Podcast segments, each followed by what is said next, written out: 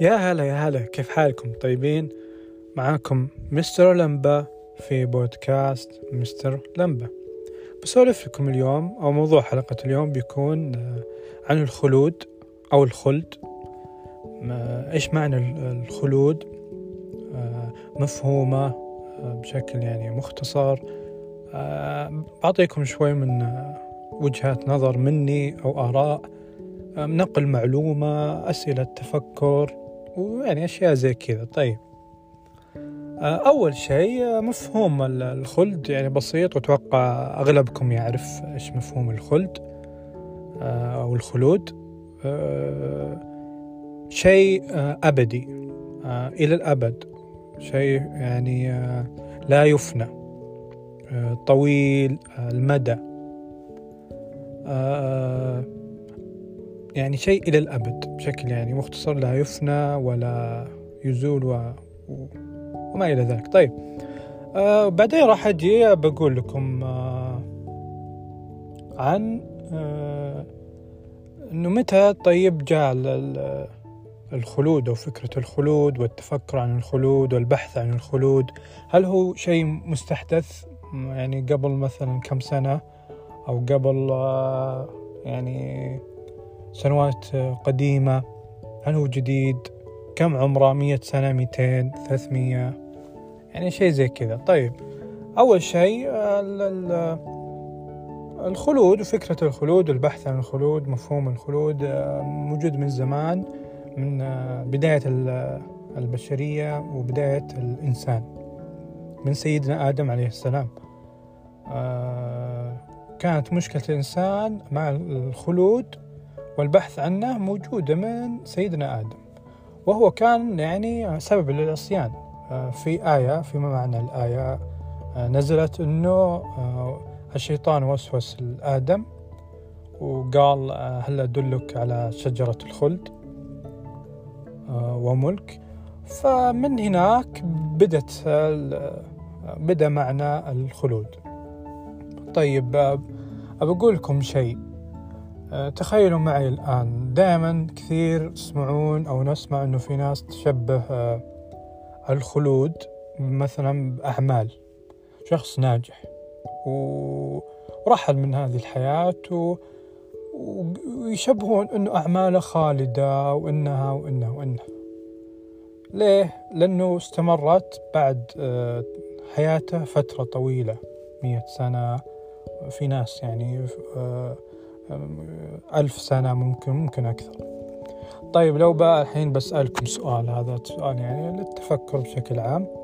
وقلت لكم آه، لو الآن بالوقت الحاضر الآن في هذه السنة آه، شخص نجح وحقق ووصل القمم على قممه يعني هو بالقمة زي ما يقولون قمته الخاصة.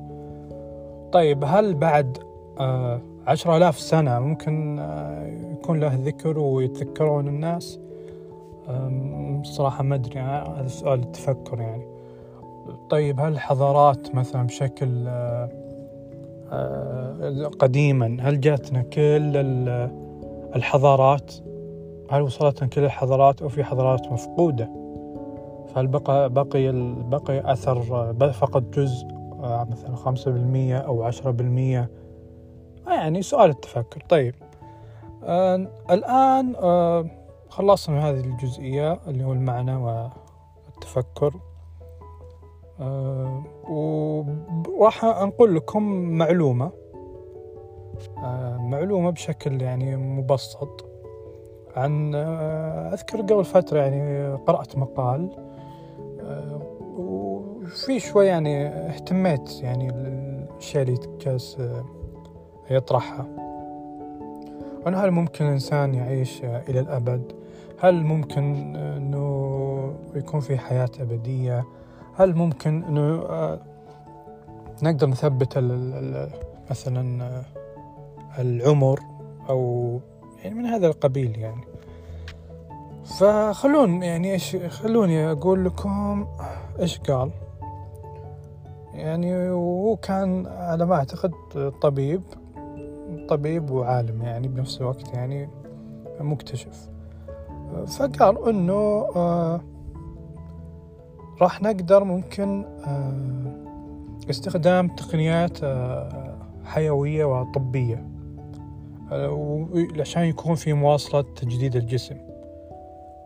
ف وبرضو قال إنه في الآن عن طريق الخلايا الجذعية زي إنه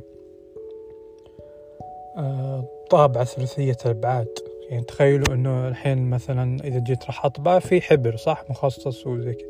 فالآن إذا جيت راح أطبع أجزاء ثلاثية عن طريق يعني طابعات ثلاثية الأبعاد راح تكون محمولة بخلايا حية اللي هو على ما أعتقد الخلايا الجذعية. عن طريق الخلايا الجذعية راح يكون في مثلا عضو معين قلب أو أو. ف يعني شوي يعني الموضوع مثير للاهتمام. ف وأعتقد هذا موجود الآن. هذا الشيء ما أنا متأكد بس الظاهر إنه موجود هو الطباعة طيب جاء قال ممكن نعيش في بال... عن طريق الآلة مثلا روبوتات أو الآلات بشكل عام. كيف؟ يقول والله راح أحمل سوفت وير معين نظام أو برنامج آه، تشغيل.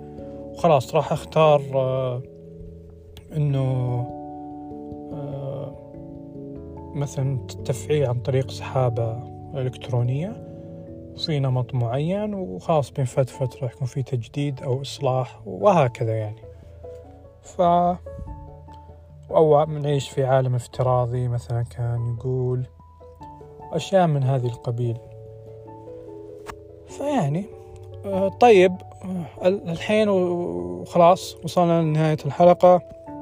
كنتم مع مستر لمبة في بودكاست مستر لمبة.